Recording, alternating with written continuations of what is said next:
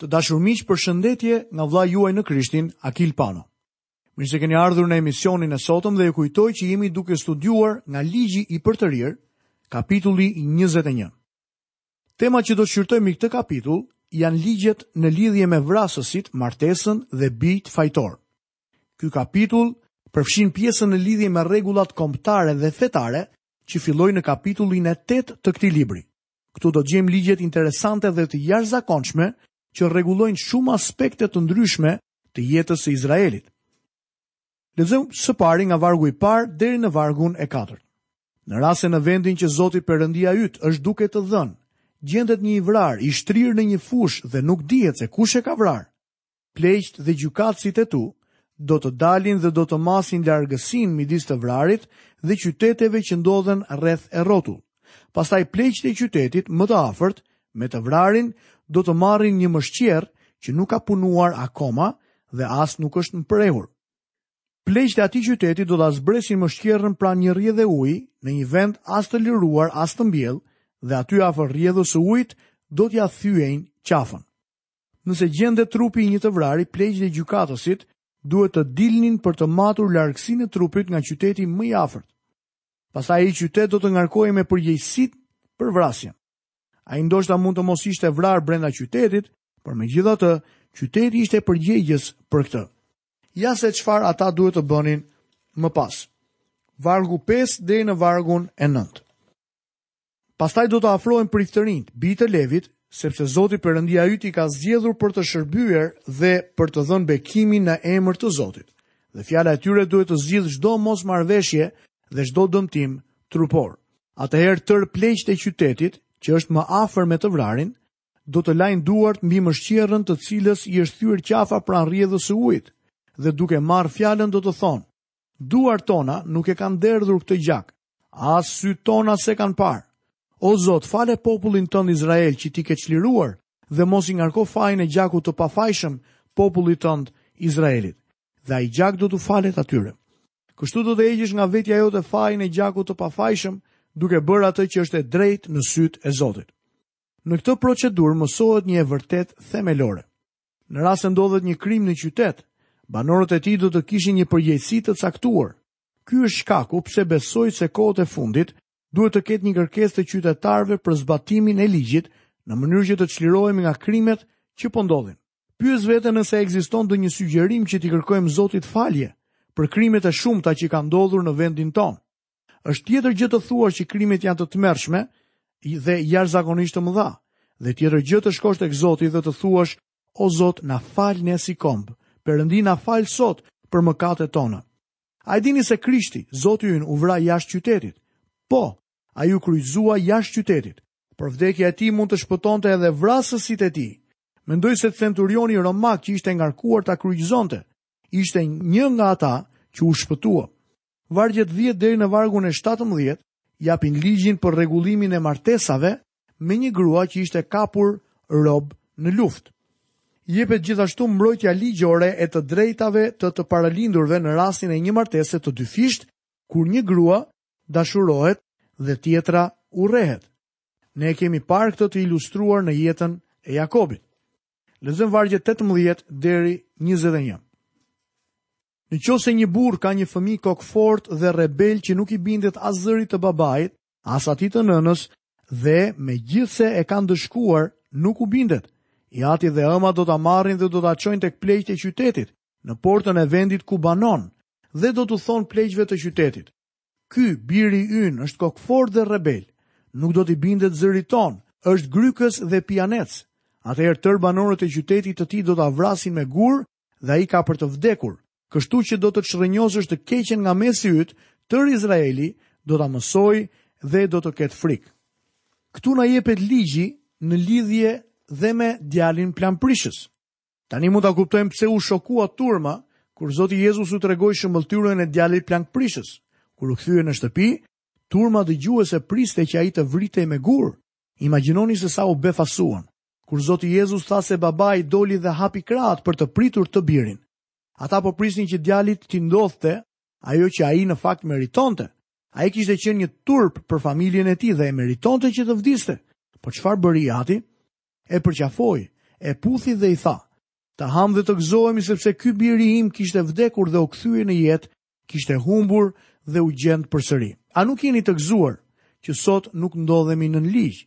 Kur vijmë tek Perëndia dhe i rrëfejmë mëkatet tona, ai është besnik dhe i drejtë që të na falë mëkatet dhe të na pastrojë nga çdo paudhësi.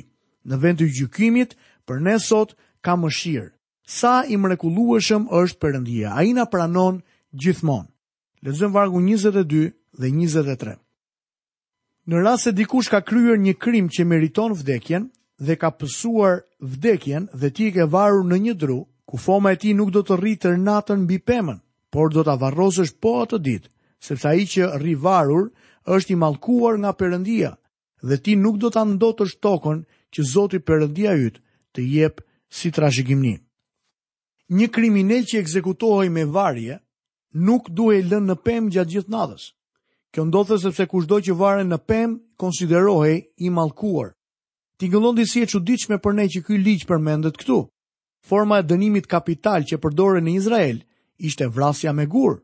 Me sa duket, Izraeli nuk e përdorte varjen në pemë si një formë të dënimit kapital. Këtu ndoshta bëhet fjalë për një person që pasi është qëlluar me gurë apo goditur me thupër, varet në një pemë. Kjo praktikohet për kriminelët e tmerrshëm në mënyrë që të shihej nga të tjerët që ky person vdiq për krimin e tij të tmerrshëm. Ky do të ishte një paralajmërim i mirë për ta. Trupi do të zbritej nga pema me rënien e natës dhe do të varrosej. Arsyeja ishte se krimineli ishte i mallkuar nga Perëndia. Me shumë mundësi, Moisiu dhe bijtë e Izraelit nuk e kuptuan domethënien e plotë të këtij ligji. Tek libri i Galatasve në Dhiatën e Re, kapitulli 3 dhe vargu i 13, na thuhet. Krishti na shpengoi nga mallkimi i ligjit, sepse u bë mallkim për ne duke qenë se është shkruar, i mallkuar është kushdo që varet në dru. Zoti ynë Jezus iu dorëzua romakëve për ekzekutim, meqenëse në atë kohë Roma e kishte vendin nën kontroll. Dënimet me vdekje mund të kryheshin vetëm prej saj. Zoti ynë u kryqëzua në një kryq romak, ndonjëherë të quajtur edhe pemë. Pali thotë se kur Krishti u var në pemë, mori mëkatin tonë dhe u mallkua nga Perëndia në atë pikë. Përse? Për shkak të asaj që bëri? Jo. Ai mallkim për të na shpenguar nga mallkimi i mëkatit. Jezusi na shpengoi nga dënimi i mëkatit dhe na dha faljen. Ai u bë mallkim për ne.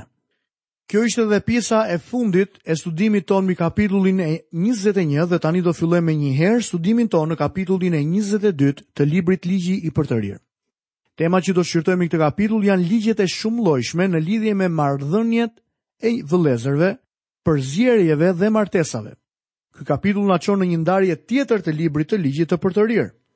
Ne pamë përsëritjen dhe interpretimin e 10 urdhërimeve në kapitujt 5 deri 7, pastaj nga kapitujt 8 deri 21 u dhanë rregullat fetare dhe kombëtare. Ndërsa nga kapitujt 22 deri 26 Do të shohim rregullat shtëpiake dhe marrëdhëniet personale. Fillojmë studimin në kapitullin e 22 të ligjit të përtërirë nga vargu i parë dhe vargu i dytë. Në qoftë se shikon kaun ose delen e vëllait tënd që e kanë humbur rrugën, ti nuk do të bësh sikur nuk i ke parë, por do t'i marrësh përsipër t'ia çosh përsëri vëllait tënd. Dhe në qoftë se vëllai yt nuk banon afër teje, dhe ti nuk e njeh, do ta çosh kafshën në shtëpinë tënde derisa yt vëlla të fillojë ta kërkojë dhe atëherë do t'ia kthesh. Në ditët e sotme kemi dëgjuar shumë për një politikë të mirë me fqinjët. Por këtu shohim që Zoti kishte një politikë akoma më të mirë për njerëzit e tij në atë kohë. Gjatë gjithë kohës së administrimit të Frank Rooseveltit, kur ai nxorri politikën e fqinjësisë së mirë, të gjithë ekspertët dhe korrespondentët e shpallën si diçka fringo të re. Ata e përshëndetën Rooseveltin si një lloj mesie dhe menduan që kishte nxjerrë diçka të mrekullueshme. Por miqtë e mi, mund t'ju them se politika e fqinjësisë së mirë është aq e vjetër sa Moisiu, madje akoma dhe më e vjetër. Ajo shkon deri në fronin e Perëndisë në përjetësi. Lexojmë vargun e katërt. Në qoftë se shikon gomarin e vëllait tënd apo kaun e tij të rrëzuar gjatë rrugës, nuk do të bësh sikur nuk i ke parë, por do të ndihmosh tët vëlla për t'i ngritur. Ata nuk duhet të mbanin qëndrim mospërfillës ndaj fqinjve, dhe as të bënin sikur nuk e shihnin duke menduar se problemi i fqinjve të tyre nuk ishte puna e tyre, përkundrazi duhet të ndihmonin njëri-tjetrin. Lexojmë vargun e pestë për të parë kodin e veshjes. Gruaja nuk duhet të veshë rroba burrash, as burri nuk ka për të veshur rroba grash, sepse kushdo që bën gjëra të tilla, neveritet nga Zoti Perëndia yt. Dikush mund të thotë se kjo nuk është e zbatueshme për ne sot, sepse ne nuk jemi nën ligj. Kjo është e vërtetë. Gjithsesi, të gjitha këto ligje që po studiojmë vendosin principe të caktuara që do të ishte mirë të mos i linim pas dore. Unë mund të mos marr fare vesh nga moda, por besoj se është e vërtetë se një grua duket shumë më mirë e veshur si grua dhe një burrë duket më mirë i veshur si burrë. Perëndia krijoi femrën dhe mashkullin. Perëndia po thotë që një burrë duhet të duket si i tillë dhe një grua si grua. Në ditët e sotme ekziston një rrëmujë e madhe sepse sekset e kundërta përpiqen të vishen, të sillen të mendojnë dhe të veprojnë një lloj. Unë personalisht mendoj se natyra femërore po paguan një çmim të jashtëzakonshëm për kërkimin e të drejtave të barabarta, ndërsa burrat do të donin t'i trajtonin gratë si gra, dhe kjo do të thotë se atyre do t'ju pëlqente t'i vlerësonin dhe t'ju jepnin më shumë se të drejtat e barabarta. Për të mos u futur tek çështja e problemit të shumë diskutuar sot nga parlamente të ndryshme në botë,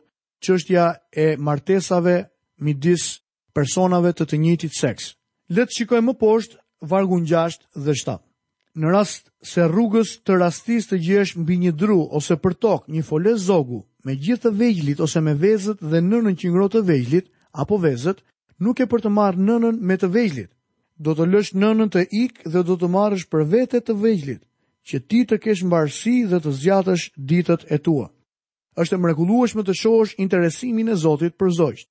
Mbani mend se Zoti Jezus tha se asnjë harabel nuk bie pa dashjen e atit. Në fakt, këtu thuhet se një harabel bie gjithmonë në prehjen apo në prehrin e atit. Ati është i interesuar dhe për zogjtë. Zoti Jezus tha, mos kini frikë pra, ju vleni më tepër se shumë harabela. Mateu 10, 31 Lexojmë poshtë vargun e 8. Kur të ndërtosh një shtëpi të re, do të ngresh një parapet rreth çatisë së saj për të mos tërhequr një faj gjaku mbi shtëpinë tënde në rast se dikush rrëzohet nga çatia. Duhet të kuptojmë se në atë kohë çatia e shtëpisë në Izrael shërbente si verandë apo oborr. Aty ishte vendi ku familja ulej në freskinë e mbrëmjes. Perëndia po thotë që ajo zonë duhej mbrojtur, rreth saj duhet të kishte parmakë në mënyrë që fëmijët e vegjël të mos binin. Lexojmë më poshtë vargjet 9 dhe 10. Nuk do të mbjellësh në vreshtin tënd farëra të llojeve të ndryshme me qëllim që prodhimi i asaj që ke mbjell dhe renta e vreshtit të mos preken. Nuk do të punosh njëkohësisht me një ka dhe një gomar. Kjo më duket paksa qesharake, në fakt e kam parë këtë në Izrael. Kam një fotografi që tregon një arab duke pluguar me një ka dhe një gomar njëkohësisht. E bëjnë këtë gjë edhe në ditët e sotme. Perëndia tha se Izraeli nuk duhet të punonte në atë mënyrë, dikush mund të pyes. Po mirë, ç'të keqe ka këtu? Kau është ka ndërsa gomari gomar. Ata nuk shkojnë bashkë. Nuk mund të ecin bashkë. Hapi i tyre është i ndryshëm dhe nuk mund të tërheqin së bashku. A keni vënë re që Zotit nuk i pëlqejnë përzierjet? E njëjta gjë ishte e vërtetë dhe për martesat. Perëndia nuk dëshiron një përzierje të të shpëtuarve me të pashpëtuarit. Fatkeqësisht kam parë disa martesa që më kujtojnë një gomar dhe një ka që janë në një zgjedh së bashku. Një vajzë e krishtere e martuar me një djalë të pashpëtuar ose anasjelltas. Lexojmë poshtë vargun e 11. Nuk do të veshësh rroba të bëra me një stof të përzier leshi dhe liri. A dini se çfarë ndodhte me një përzierje të tillë? Kur ta lanit leshin, do të tkurrej, por liri jo. Atëherë do të kishte një problem të vërtetë. Lexojmë vargun e 12. Nuk do të vësh theka në katër cepat e mantelit me të cilin mbulohesh. Thekët në përgjithësi ishin blu. E dimë që ishin blu nga veshja e kryepriftit. Thekët i kujtonin për marrëdhënien e tyre me Perëndinë. Më vonë thekët u bën një shenjë dalluese e judaizmit. Perëndia na paralajmëron kundra përzierjeve, bijtë e Perëndisë nuk mund të përzihen me botën. Kam dëgjuar të krishterë që thonë se ecin në rrugën e botës për të arritur njerëzit e botës. Kam një lajm të mirë për ty. Nuk është kjo mënyra se si mund t'i arrish njerëzit e kësaj bote. Nëse keni dëgjuar për ndonjë person që u shpëtua sepse një krishter Eci dhe u adoptua në rrugët e kësaj bote, atëherë ma thoni, unë për vete nuk kam dëgjuar kurrë. Le të shohim më poshtë çështjen e martesës dhe lexojmë vargjet 13 deri në vargun e 15. Në qoftë se një burrë martohet me një grua, hyn tek ajo dhe pastaj fillon ta urrejë dhe e padit për gjëra të turpshme dhe i nxjerr një nam të keq duke thënë, mora këtë grua, por kur iu afrova, Nuk gjeta tek ajo shenjat e virgjërisë. Babai dhe nëna e së resë do të marrin shenjat e virgjërisë së saj dhe do t'ua tregojnë pleqve të qytetit tek porta. Këtu jepet një ligj që mbronte gruan e pafajshme dhe e ruante nga akuzat e gabuara. Ky ligj e mbronte gruan nga një burrë i urryer dhe i paperëndishëm. Kjo ishte një mënyrë që nuk e kemi sot, por Perëndia bëri një marrëveshje për të mbrojtur gruan në një situatë të tillë. Lexojmë vargun 20 dhe 21. Por në qoftë se vërtetohet fakti dhe tek e reja nuk janë gjetur shenjat e virgjërisë, atëherë do ta nxjerrin të renë tek pragu i shtëpisë së babait të saj dhe njerëzit e qytetit të saj do ta vrasin me gurë dhe ajo ka për të vdekur sepse ka kryer një vepër të turpshme në Izrael, duke u bërë kurvë në shtëpinë e atit të saj. Kështu do të shkulësh të keqen nga gjiri juaj. Imagjinoni pak sikur gruaja të ishte fajtore. Ajo duhet të vritej me gurë. Sot njerëzit flasin për moralin e ri dhe e konsiderojnë seksin para martese një hap të madh përpara. Perëndia dha një standard të moralit për njerëzit e tij, për Izraelin. Morali i dhënë nga Perëndia ka qenë gjithmonë bekim për çdo komb. Çdo komb që e ka thyer këtë pikë ka rënë poshtë. Kur mendoj për këtë dhe për kushtet e vendit tim më vjen për të vajtuar. Nën ligjin e Zotit një person fajtor për tradhti vritej me gurë, qoftë burrë apo grua. Nëse do ta kishim bërë këtë, atëherë do të kishte aq shumë grumbuj me gurë, saqë nuk do të mund të ngisnim dot asnjë makinë nëpër rrugë. Perëndia e nderon martesën dhe pastërtinë seksuale. Tradhtia në Izrael dënohej me vrasje me gurë. Kjo na tregon se si ndihej Zoti për tradhtinë bashkëshortore. Mbani mend se dashuria e Zotit për njerëzit e tij shprehet në ligjin e tij. Ky ligj i pastërtisë, i mbrojtjes dhe shenjtërisë në martesë është një shembull shumë i mirë i dashurisë së tij dhe interesimit për familjen njerëzore sot në botë. Të dashur miq, këtu kemi mbërritur dhe në fundin e kapitullit të sotëm. Studimi ynë sot përfundon për të vazhduar studimin tonë po me librin e ligjit të përtërirë, por herës tjetër me kapitullin e 23 të këtij libri në emisionin e ardhshëm. Nga vëllai juaj në Krishtin Akil Pano, Perëndia derdhtë pasurisht bekimet e tij mbi jetën tuaj.